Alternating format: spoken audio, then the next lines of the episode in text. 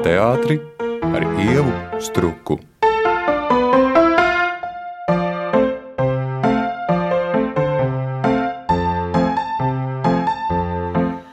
Šodien raidījumā Šņurbēniņi manā viesņā ir Elīna Gediņa, un es apzināti sāku ar vārdu Jo tie profesionālie statusi, kādu cilvēkam, kurš atbild par kustību, piešķir teātrī, ir apbrīnojami mainīgi. Un tad drīzāk man ir jājautā tev, labdien, Elīna, kas tu esi? Sveiki, jau. Nu, pēdējā laikā man patīk, ka man piesaka par kustību mākslinieku, jo, manuprāt, tā amplitūda ir daudz plašāka. Jo man šķiet, ka mums ir izveidojušies kādi priekšstati, ko dara choreogrāfs teātrī vai kustību konsultants. Un vēl man patīk, nevis vienkārši man patīk, bet izējot no tā projekta, pie kuras strādāju, ja mans darbs ļoti konkrēti satiekas ar režisoru darbu, tad es mīlu lietot kustību režiju. Jo mēs esam daudz gan komandās, gan vispār teātrī kopumā runājuši, kāda ir atšķirība starp choreogrāfiju un režiju. Un tur jau atkarībā no tā, ko sarunājies, tās atbildes ir eh, vai ļoti atšķirīgas, vai ļoti vienojošas. Nu, tādēļ es arī to šoreiz atļāvos pajautāt, kas tu esi. Un tas iemesls, kādēļ es tevi aicināju uz sarunu, pirmām kārtām ir um, izrāde, kurai beidzot vajadzētu notikt 1. februārī Dēls teātrī. Izrāde ar nosaukumu ļoti labas minūtes. Tā ir izrāde, kas ir piedzīvojusi vairākas nesošās pirmizrādes pandēmijas dēļ, bet nu, mēs varam tikai turēt īkšķus, lai tā notiktu. Un tādēļ, ka par šo izrādi man ir ļoti daudz ko te jautāt, mm -hmm. tad es tomēr atļaušos mazliet ieskicēt vēl citus darbus, jo man ir pamatots bailes, ka mēs aizrunāsimies par šo tēmu un citas nepaspēsim skart. Tāpēc ar tavu atļauju vispirms kaut kas cits.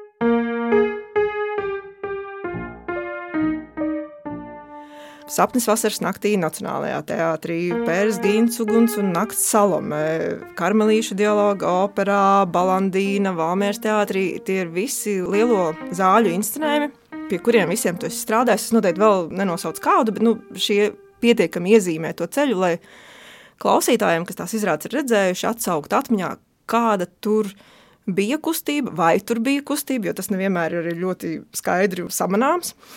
Un mazliet pieskartos šim uh, darba stilam, kā tu strādā komandās ar uh, režisoriem. Droši vien tādi pastāvīgākie tavi partneri varētu būt uh, nosaucami Viestures Kairišs un Elmārs Seņkovs. Tagad varbūt arī Inārs Lutska tur būtu jāpievieno. Es skatos, ka tu gribētu pievienot vēl kādu.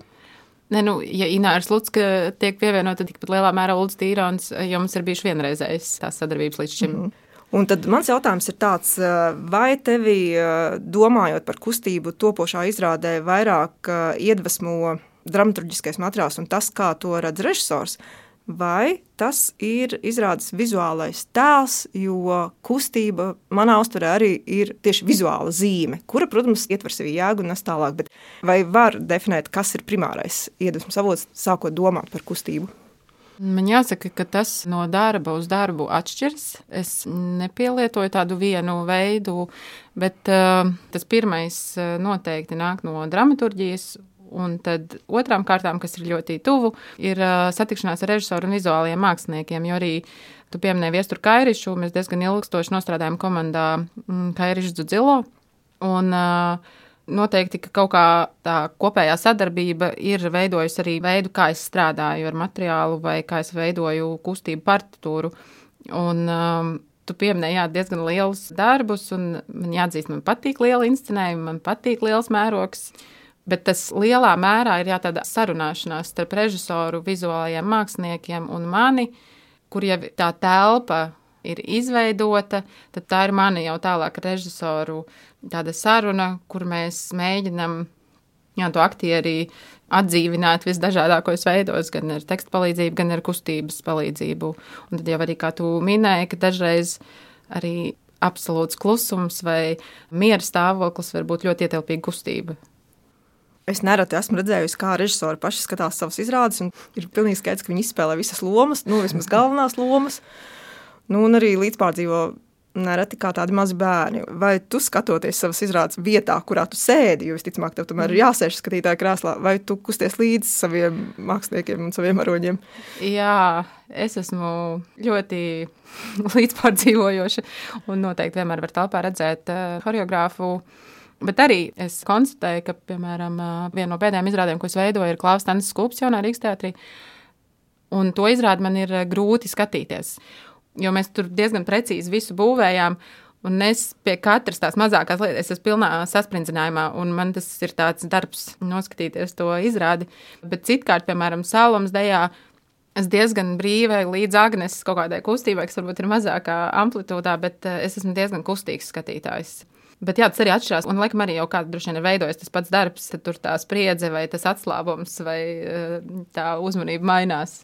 Bet man faktiski šis jautājums radās mēģinot sajust, nu, arī esot dažreiz klātumā mēģinājumos un redzot, kāds notiek, bet kā to kustību, kas, nu, visticamāk, tātad dzimst tevī pašā, kuru tu sajūti kā organisku, kā viņu var transformēt un pārnest, tiešām, man liekas, tāda jau pārnese uz aktieri, jo aktieri tomēr ir tik dažādi, un pat, ja ir, teiksim, tev tā kustība partitūra ir jāpiedāvā tava vecuma un tava mm -hmm. dzimuma cilvēkam, droši vien tas ir vienkāršāk, bet nu, nākas jau strādāt arī ar pretējo dzimumu mm -hmm. un ar mazliet atšķirīgiem vecuma grupām. Kā tu pārnes to, kas piedzimst uh, uz to konkrēto varoni, kurš ļoti atšķiras varbūt no tevis? Kā var sajust, piemēram, veca cilvēku kustību? Jā, nu, es parasti mēģinu izveidot um, aktierim tādus apstākļus, lai viņam šī mana iedomātā kustība piedzimtu viņa ķermenī. Un tur es pielietoju dažādas paņēmienas vai tehnikas, kā līdz tai kustībai nonākt, bet pamatā es tiešām skatos uz konkrēto ķermeni. Dzimums man pat nebūtu tik svarīgs, un uh, arī vecums man nebūtu tik svarīgs, bet uh, konkrētais ķermenis un tad dažādi uzdevumi, kas var pat arī nebūt obligāti saistīti ar izrādi, bet tikai paskatīties, kā viņš sarunājas ar mani tīri ķermeniski. Un ķermenis vispār ir diezgan runātīgs. Līdz ar to pēc tādas taustīšanās posma, kuras redzu, kā tas ķermenis reaģē, vai kur viņš jūtas ērtāk, vai jūtas ļoti saspīlēti un kautrējās, veicot šos kaut kādus secinājumus, tad es veidoju arī to kustību materiālu. Man nav tik obligāti, lai mans rokraksts tur parādās vai mana kustība, bet man interesē tieši kustību kvalitāte, ko šis konkrētais ķermenis var dot. Un man ir vairākas reizes bijis tā, ka Es esmu kaut kā izdomājis, kā varbūt tam vajadzētu izskatīties, bet tad satiekos ar konkrēto cilvēku, un tas izskatās atšķirīgi. Un man liekas, hmm, nu, tad ir atšķirīgi, bet es jau tomēr zinu, kurus viņi grib virzīt. Tad tā kvalitāte varbūt ir cita, bet tomēr jau es nonāku līdz tam. Tas ir tāds ļoti lēns. Skrupulozs darbs, un uh, nevienmēr visi aktieri ir ar prieku metās tajā iekšā. Līdz ar to tas ir arī atkarīgs no um, kādu aktieru satiecies. Bet kas tev kā kustību māksliniecei ir grūtāk šīs. Nu, tomēr ļoti arī atmiņā paliekošās atsevišķās uz kustību balstītās ainas, nu, kā piemēram jau pieminētais karmelīšu dialogu fināls, vai Salames septiņu plīvuru dēļa, vai nu, pat uh, sapnī vasaras naktī šī orģijas aina, kur satiekas Titānija un Bottoms pārvērties par ēzeli.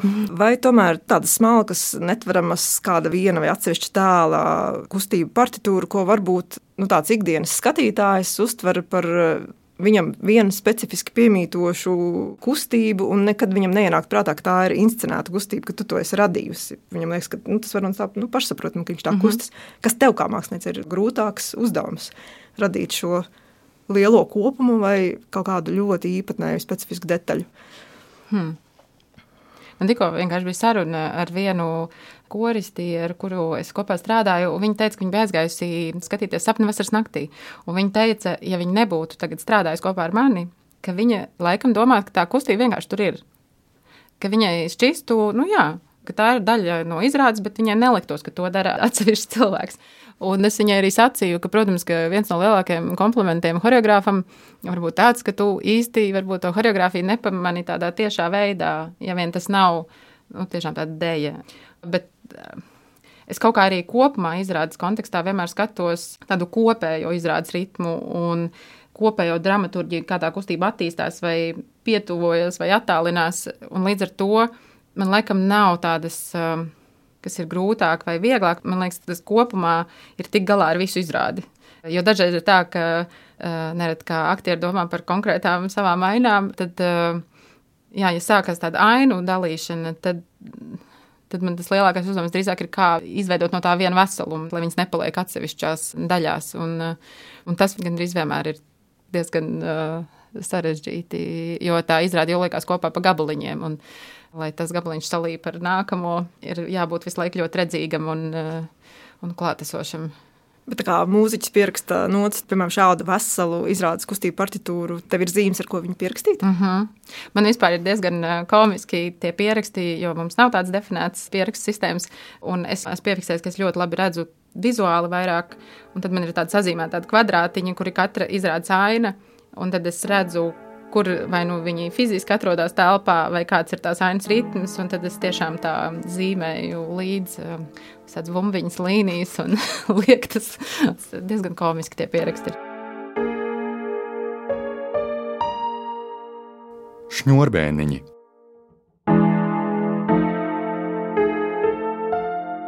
Par teātri ar ievu struku. Un mana viesņa ir kustība mākslinieca Elīna Gediņa.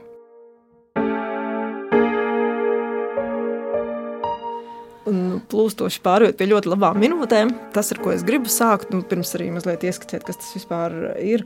Kā rudenī, tad, kad bija jānotiek, manuprāt, otrajai pirmizrādē, jeb otro reizi bija jānotiek pirmizrādē, tad teātris ļaudīm bija tā iespēja šo izrādi video versijā skatīties Latvijas teātris skatas ietvaros.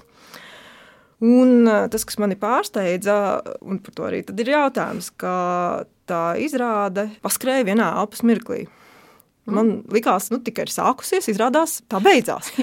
Un tad man pēkšņi likās, ka nu, tā arī ir nosaukums, ļoti labas minūtes. Un tad tas mans jautājums ir, jā, kā piedzima šis nosaukums? Jā.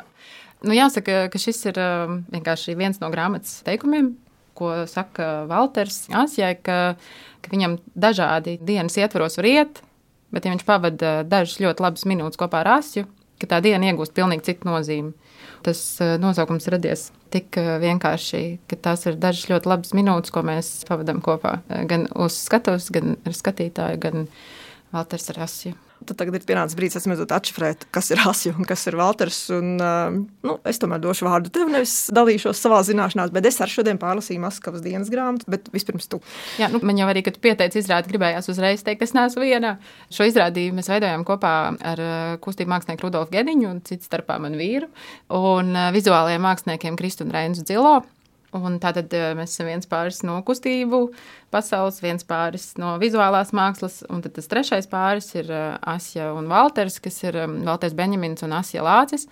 Un uh, Valtera Benjamina dienas grāmata kalpo kā iedvesmas avots šai izrādē, bet uh, laikam, ko man gribētos uzsvērt, ka tas nav šī darba pārlikums uz skatuves.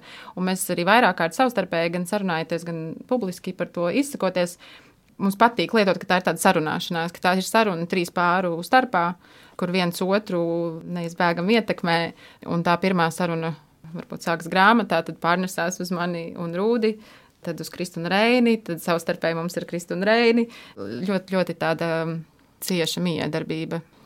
Nu, es jau varu tikai pievienoties, ka tā tiešām ir pāru saruna, bet es gribu iemest to mazo āķīti. Proti, ka Benjaminam ļoti gribas runāt ar Asju, bet īstenībā viņai nepārāk gribas runāt ar Benjaminu. Un principā jau viņi veido trīs stūri, jo tur pa vidu mums ir, visur ir Bernhards Raiks. Jā. Cik tas jums, kā diviem pāriem, jeb četriem cilvēkiem, kas radīja šo izrādi, bija būtiski, ka patiesībā jau pie tā domino galdiņa, teiksim tā, sēž vēl arī tā trešā persona. Nu, man jāsaka, ka tas nebija pārāk būtiski. Jo es nevaru noliegt, ka šim darbam sākuma saknes ir meklējams jau 19. gada nogalē, vai pat agrāk. Līdz ar to tā trīsstūra situācija man nebija sveša tajā brīdī. Līdz ar to droši vien tas materiāls nav nejaušs. Bet pēc tam, domājot jau par izrādi konkrēti, tas vairs nebija tik uh, būtiski. Un, uh, man vairāk vilināja vai uzmanību piesaistīja tieši Valtera Benjamina teksts, cik viņš ir ritmiski precīzi uzrakstīts, un uh, man likās, ka tas ir ļoti horeogrāfiski. Un es pieķeru sev pie domas, ka es domāju, vai es varu būt tikpat precīza kustībā, cik viņš precīzi vārdos. Un no turienes radās tāds uh, jau pavisam konkrēts impulss veidot uh, kaut kādu kustību materiālu, par pamatu ņemot Valtera tekstu. Un, uh, man jāsaka, es esmu lasījusi arī citus Valtera Benjamina darbus. Man nav tā, ka man šķiet, ka Valters ir mans autors vai ka es viņu izjūtu un piekrist arī viņa idejām vai domām. Bet uh, ar šo darbu man notika kaut kāda mistiska satikšanās, gan ritmā. Man liekas, ka viņš ļoti asprātīgi, un arī tas jau, ko tu minēji, ka tā Asija nevienmēr grib ar viņu sarunāties, cik asprātīgi viņš to piesaka. Un tad pats it kā ar ironiju to konstatē. Man liekas, jā, lai viņš rakstītu kā tādu dienas grāmatu, kas būtu tāda monologa, varbūt formāli, likās, tur ļoti aktīvs dialogs. Un tas ir galvenais, kas bija pa pamatu, lai sāktu veidot to kustību materiālu. Jo runājot par laiku, pārlasot to dienas grāmatu, man tā bija tādā nu, labā nozīmē, radošā nozīmē, pretrunā, ka izrāda savas ļoti labas minūtes, un vairāk kārt ir ļoti ilgi skūpsti, ilgi apskāvieni. Un tad tu tā kā pat vairs nesaproti, vai tas ir realitātē.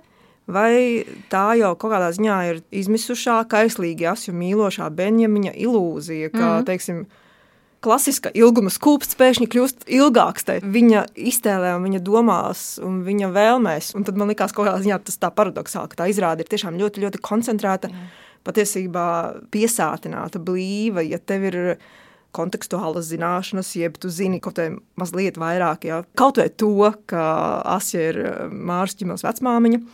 Tad uh, ir aizraujoši to skatīties. Bet vienlaikus man liekas, tiešām tajā tekstā ir arī šis ilguma mirklis, jā, apskāvienu mirklis, vai ilgā, garā Maskavas ziema, vai ilgs, ilgs laiks, ko viņš stāv un viņš kaut kur tumsā augsmā un gaida, asju parādamies vai mm. nīkst kādā istabiņā. Tā kā par to laiku domāju, tas man likās. Uh, arī ļoti veiksmīgs tas nosaukums, jo tu esi spiests par to domāt. Un, un tad tas, ko es gribu pajautāt, ir, vai veidojot kustību partitūru, tu arī citās izrādēs, bet, nu, protams, primāri mm. šobrīd šai, tu jūti, kā ar to kustību tu vari pagarināt laiku vai viņu saprasēt un padarīt tik intensīvu. Cik tas ir apzināti, ja tas mm vienkārši intuitīvi tā rodas? Šajā konkrētajā darbā un arī citos man uzreiz nāk prātā tagadne, bet uh, sākot ar šo darbu uh, ļoti apzināti un, un arī ir vairākas tādas ainas, kur uh, mēs ar Rūdi uz skatuves darbojamies atšķirīgos uh, laikos, kas rada arī tādu vieglu ilūziju, ka vai nu viens kustās ārprātīgi ātri, vai otrs ļoti lēni. Pret ko viņi attiecina. Līdz ar to mēs ar to laika staipīšanu, ja tā var teikt, nodarbojamies uh, ļoti apzināti.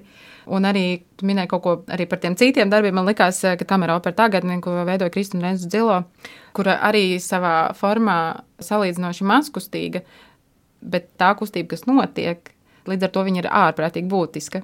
Un tad jau tā spriedze tur eh, veidojās, eh, un arī minūtēs tā spriedze veidojās jā, starp uh, kustību ātrumiem, vai arī kur tu kustību iesāc un kur tu viņu pabeidz. Un mēs ļoti skrupulozi strādājām pie kustību precizitātes, kā jau minēju, ka gribējās būt tikpat precīzam vārdos, kā bija Valters savā grāmatā, vai mēs varam būt tikpat precīzi savā kustībā tad mēs jā, cenšamies to realizēt. Tas, kas man pārsteidz, ka tu piesauc tiešām to grāmatas ritmu, jo ar neapbruņotu aci, kā no malas vērojot un domājot par šo darbu, ir sajūta, ka tas impulsu avots varētu būt gluži tik vienkārši ekspresionisms. Jo man pašai liekas, ka tai kustībai un ekspresionismam, kā mākslas virzienam, ir uh, daudz savstarpējās saskarsmes punktu. Uh, Un, lai cik tas būtu savādi, ka tagad, simts gadus pēc ekspresionisma teikt, uzvaras gājiena, tas kļūst atkal kaut kādā nozīmē ļoti aktuāls un būtisks.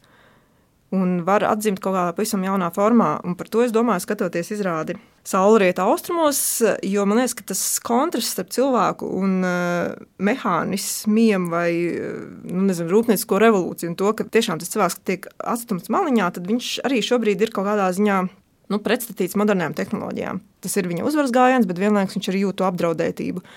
Un tas piešķir tam ekspresionismam nu, tādu ļoti, ļoti patiesībā aktuālu intonāciju. Un tad uh, Asja kā tāda ekspresionisma pioniere Latvijā, vai, vai vismaz apoloģēte, ka tas varēja arī būt kaut kāds viens aspekts, kāpēc vispār teiksim, šīs divas personības pētīt un domāt, jo nu, Beņģamiņš caur Asju savukārt mēģina uzzināt, kas tad ir pat neuzzināt. Dzīvē saprast, kā tas strādā, kreisie uzskati mm. to dzimtenē, jeb, jeb padomju savienībā. Un, cik lielā mērā šādam politiskam kontekstam vai zināšanām, cik jums tas visiem četriem bija svarīgi par to domāt, vai zināt, vai meklēt tās paralēlās ar šodienu, kā mm -hmm. šādiem kreisiem uzskatiem jaunu intelektuālu cilvēku vidē. Nu, tādā praktiskā ziņā mums konkrēti, jo mēs ar Rūdu abi arī atrodamies uz skatuves, ne tikai radījām kustību materiālu, mums tajā radīšanas brīdī tas nebija būtiski, lai gan mēs zinām kontekstu, bet tas nebija būtiski, ko mēs papildus nepētījām. Bet uh, Krista Reini gan ir atsaukšies laikā un Viņam tas bija caur vizuālo koncepciju noteikti kaut kādā veidā svarīgāk, lai gan mums rūdi bija tāds plāns, eh, ka mēs izveidojām kustību materiālu, kas varētu būt kā ekvivalents lugai teātrī. Eh, un mēs zinām, ka Kristina un Reinis mīl strādāt ar pamatdramaturģiju. Tad mums šķita, ja mēs izveidotu kustību, dramaturģiju, vai tas varētu būt sākuma punkts viņu vizuālajai valodai. Un, uh, mēs tā arī izdarījām, ka mēs izveidojam visu kustību materiālu, nofilmējām, iedavām viņu Kristē Reini kā dramaturģiju. Protams, ka viņi zināja, ka viņi nāk no Maskavas dienas grāmatas, šis eh, kustību materiāls kaut kādā mērā. Un tad jau viņi strādāja šo kustību materiālu, plus uh, zinot laiku, no kurienes tas nāk, un tad arī tā sarunāšanās notiks šādā secībā. Eh, un tas ir neierasti arī, piemēram, kad es strādāju kā izpildītājs, ka kustība materiāls ir gatavs pirms vizuālas formas, ka mēs gājām tādu citu ceļu, kas bija ļoti, ļoti interesanti. Un, protams, ka mēs iedavām to materiālu Kristē Rēnai. Man bija bail, nu, ja mēs uzrunājām viņus, bet nu, nebija tā, nu, ka uzreiz strādājām. Nu, kad apstieties, vai jums sliktos saistoši. Un, un uh, es biju bažīga, un tad bija savukārt tikpat priecīga, kad viņi teica, Jā, ka, ka viņi redz tur tik daudz, un ka tas ir tik runātīgs un, un blīvs, ka viņi ļoti labprāt ķērās klātam nu, izklausās gan izvēlēti neticami, ņemot vērā, ka vizuālais un kustība tur ir tik cieši sajūgti kopā. Un skatoties, nekad nevarētu iedomāties, ka teiksim, tas vizuālais ir piedzimis pēc kustību partitūras. Bez šādas vizualitātes, kurā ir nu, neatklājot arī visas kārtas, bet kaut vai tas, kas pirmais paliek atmiņā, šis sarkanā melnā kontrasts un krāsu spēles. Un, un patiesībā nu, varbūt arī sarkanās krāsas rehabilitāciju, jo tiešām tu saproti, ka tā ir dzīvības krāsa. Tas nav tikai nezinu, komunisma sarkanais karoks, mm -hmm. ja, bet bez tā sarkanā tu, tu patiesībā nevari dzīvē iztikt tikpat lielā mērā kā bez uh, visas tās pamatpartūras. Jā, es esmu pārsteigta no tevis to dzirdēt, ka tas ir tapis šādā secībā. Ļoti interesanti. Tad man rodas vēl jautājums, kas varbūt ir tāds, nezinu, cik tas ir korekts, bet Cik no jums četriem ir bijuši tajā Maskavā, kas tomēr šodien nav tā pilnīgi pašsaprotama lieta, lai sajustu to Maskavas gaisotni? Es nē, eh, es domāju, ka mans vīrs arī nē. Par Kristu un Reini nebūšu pārliecināta. Nē, tā Maskava šajā darbā vismaz man arī piedzimst caur Valtera spilgtiem atprakstiem Vai ķimele Māra ir šo opusu redzējusi, ja vēl nav? Nē, nu, ja vien viņa nenoskatījās Jā. viņu video, bet es domāju, ka nē, un mēs labprāt uzaicināsim viņus pirmsrādi, ja tāda beidzot būs. Nu, mums ir eh, jārunā tā, it kā viņa būtu, jo īstenībā Jā. kaut kam ir jānotiek un nevar pasauli apstādināt, tā kā man gribas cerēt, ka tomēr tas notiks. Bet, piemēram, šādās izrādēs, kurās nu, skaļi runāto vārdu nav, vai gandrīz nemaz nav, mm. vai principā nav, uh, Vai var runāt par tādu jēdzienu, par kādu var dramatiskā teātrī runāt, vai jūs stāstāt par šīm personībām, jeb jūs iemiesojat šīs personības, vai var vispār šādi uzstādīt eh, jautājumu, ņemot vērā, ka tur tomēr ir konkrētas tās radošās personības? Mm -hmm. mm. Es saprotu tavu jautājumu, bet es nedomāju, ka ietvertie piemēri īsti mm -hmm. atbilst. Uh, Jo, ja mēs runājam par teātrus kontekstā, tad noteikti, ja Asju tēlot Gunu Zariņu, noteikti viņa būtu izpētījusi viņas kustības plastiku, mm. vai kā viņa ir runājusi, vai kā viņa ir kustējusies. Es ar to nenodarbojos, un tāpēc man kā gribētos atbildēt, ka es viņu neiemiesoju tādā konkrētā veidā. Un arī vienlaicīgi tas nav par. Jo mums bija arī tāda situācija, kad bija, es jau tagad vairs nezinu, kura no tām mistiskajām pirmsrādēm, Eh, bet tad, kad mēs laikam pirmo reizi nodevām iekšēji eh, to pirmizrādīt, tad varēja tur limitētā skaitā atnākt kādi skatītāji. Un tad kāds teica, ka viņš nezināja vispār, ka tas ir kaut kādā veidā saistīts ar uh, Maskavas dienas grāmatu vai Valteru un Asju, un ka skatoties viņam likās, ka tur ir ļoti, ļoti daudz teksta tā ķermeņa valoda ir tik runātīga, ka viņam likās, ka tur ir tik blīvs teksts, ka viņš knapi spējas visu. Un tad, kad mēs pateicām, nu, ka mums vispār iedvesma nāk no Valtera um, Benjamina Maskavas dienas, oh, ka vajadzētu palasīt to grāmatu un ka vajadzētu apskatīties.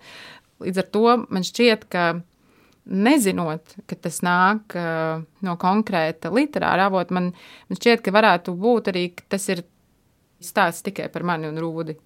Un arī, kā jau tu minēji, jo tev to zināšana ir vairāk, tev atklājās, protams, vairāk slāņu. Un arī, piemēram, tās divas lietotās valodas, jo tu vairāk zini, protams, droši vien bagātāka tā izrāde tev ir. Bet es domāju, ja šo zināšanu arī nav, tas neatņem tā izrādē, jo tas tikpat labi ir uh, divu cilvēku dialogs tādā ilgstamā laikā. Es nezinu, vai man sanāca atbildēt savu jautājumu, bet uh, jā, es kaut kā nedomāju, vai savā CV nerakstītu, ka es esmu attēlojis asju. Nu, tā arī ir atbilde.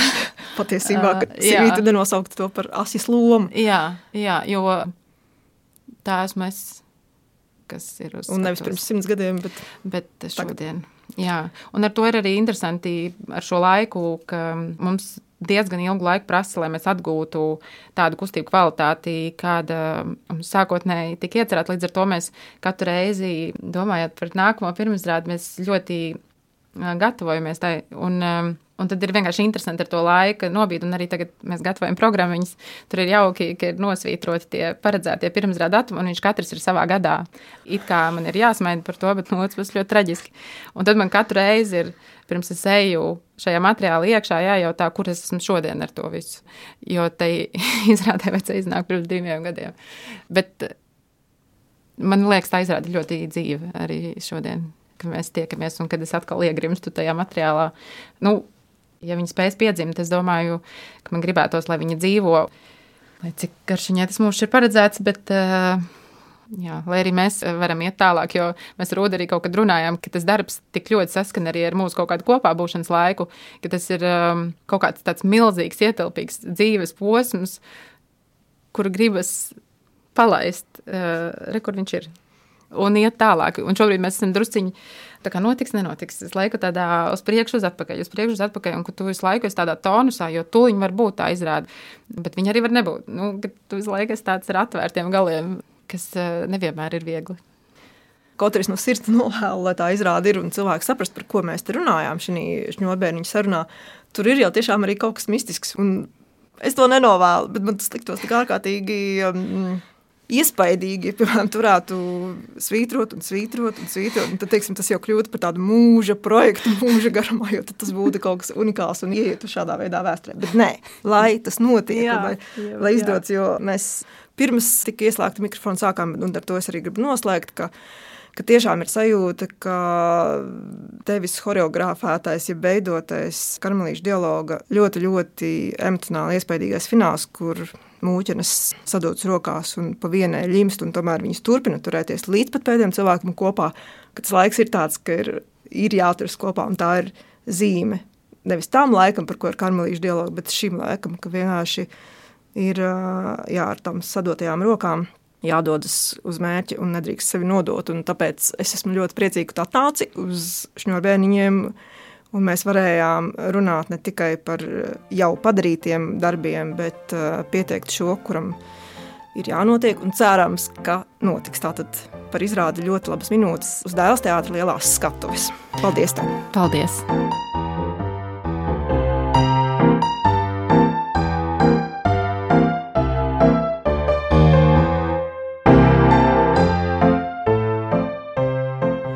Jūs dzirdējāt raidījumu Šņurbēniņa, un mana viesņa šodien bija kustību mākslinieca Elīna Gediņa. Ar viņu sarunājās Ieva Struka, raidījuma producente Sandra Ņedzvecka.